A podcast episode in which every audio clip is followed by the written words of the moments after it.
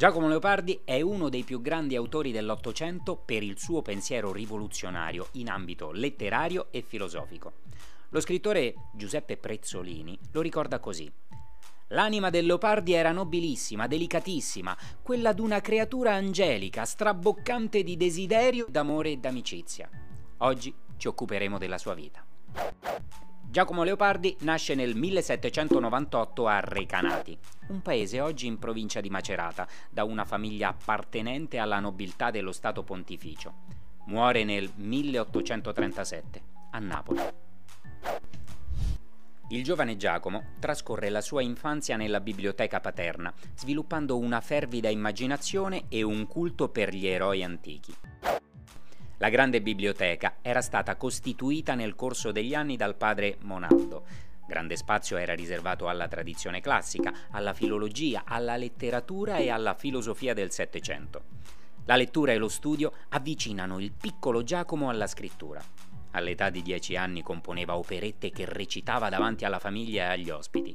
Gli anni tra il 1809 e il 1816 sono ricordati dallo stesso Leopardi come Sette anni di studio matto e disperatissimo. Dagli 11 ai 18 anni si dedica senza sosta giorno e notte a un'intensa attività di ricerca in campo filologico, ma approfondisce anche le sue conoscenze scientifiche e filosofiche. Continua a scrivere operette, traduzioni dai classici e trattati. Lo studio colpisce però il suo fisico, già debole era molto basso, aveva due gobbe e una salute cagionevole. Chi, vedendolo, avrebbe immaginato che quell'adolescente custodisse una così grande conoscenza? Nel corso degli anni lo spazio angusto in cui vive, confrontato con i mondi che la letteratura gli apriva, comincia a renderlo infelice. Soffre per l'autoritarismo della famiglia, per la sua condizione fisica, per la mancanza dell'amore. Tra il 1815 e il 1816 l'insoddisfazione lo spinge a una più sentita immersione nell'attività letteraria. Avviene una vera e propria conversione letteraria.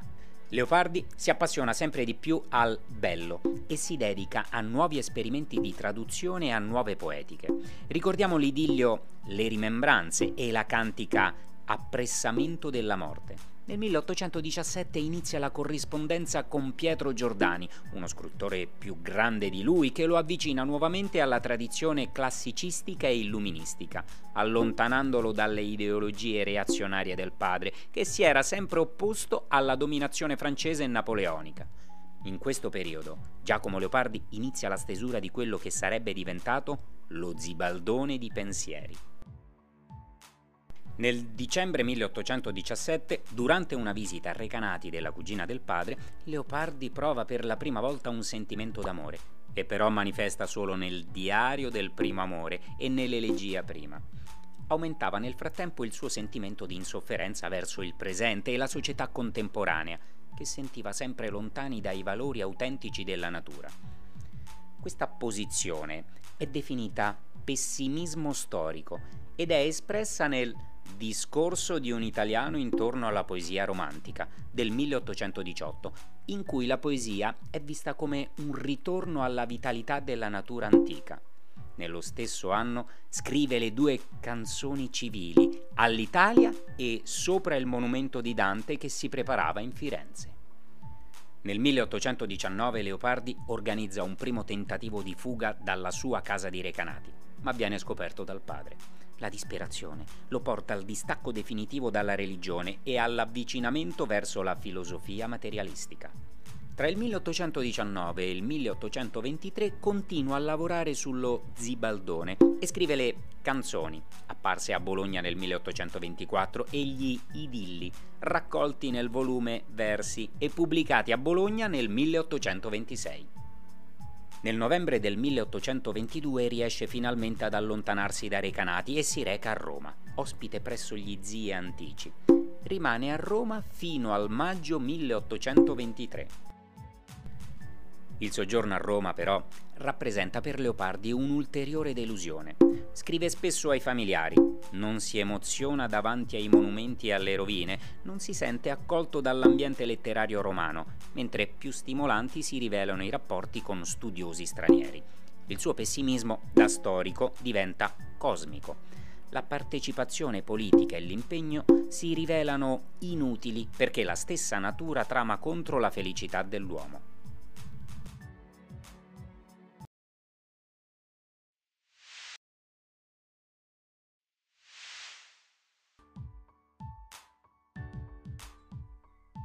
Compone nel 1823 l'ultima canzone, Alla sua donna, e nel 1824 le 20 operette morali. Nel 1825 riesce nuovamente a lasciare Recanati e si trasferisce a Milano. A Milano lavora presso l'editore Stella e redige l'edizione completa delle opere di Cicerone. Incontra, inoltre, il poeta e drammaturgo Vincenzo Monti.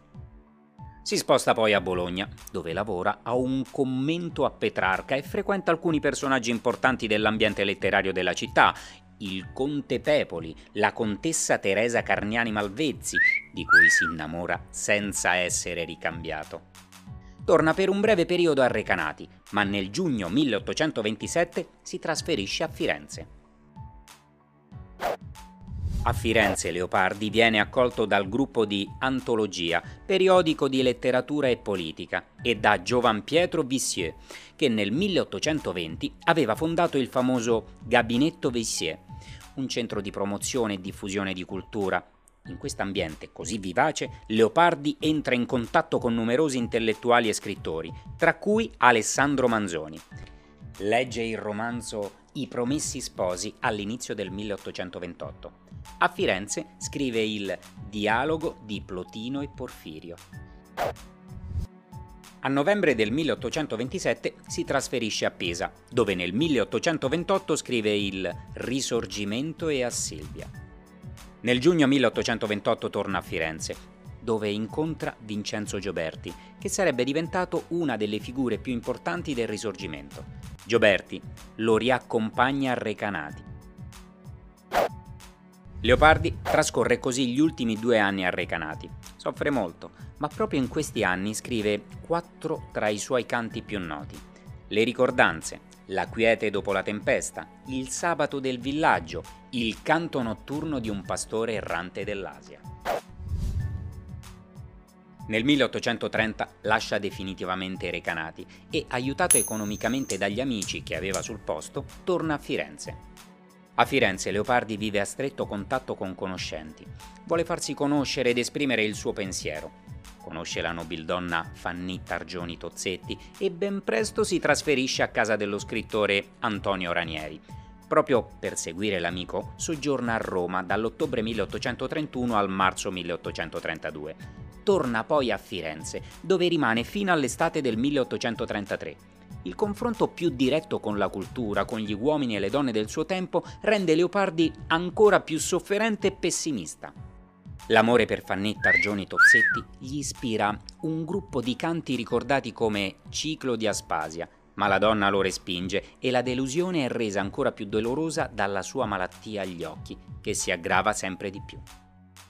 Nel 1833 Ranieri e Leopardi si trasferiscono a Napoli e ben presto si aggiunge a loro la sorella di Ranieri, Paolina. A Napoli il nostro autore sembra trovare un clima più sereno. Lavora ai Paralipomeni della Batra Comiomachia e sistema la nuova edizione dei canti pubblicata nel 1835, ma sequestrata dalla polizia borbonica nel 1836. Tra il 1836 e il 1837 Giacomo, Antonio e Paolina trascorrono lunghi soggiorni a casa dell'avvocato Giuseppe Ferrigni, ai piedi del Vesuvio, tra Torre del Greco e Torre Annunziata, nella villetta dove Leopardi sembra aver ritrovato la voglia di vivere. Nonostante le sue sofferenze, compone probabilmente La ginestra e il tramonto della luna, gli ultimi due canti. Le sue condizioni di salute si aggravano.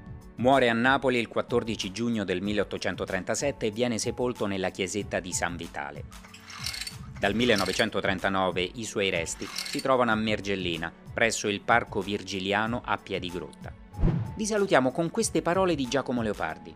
L'immaginazione è il primo fonte della felicità umana.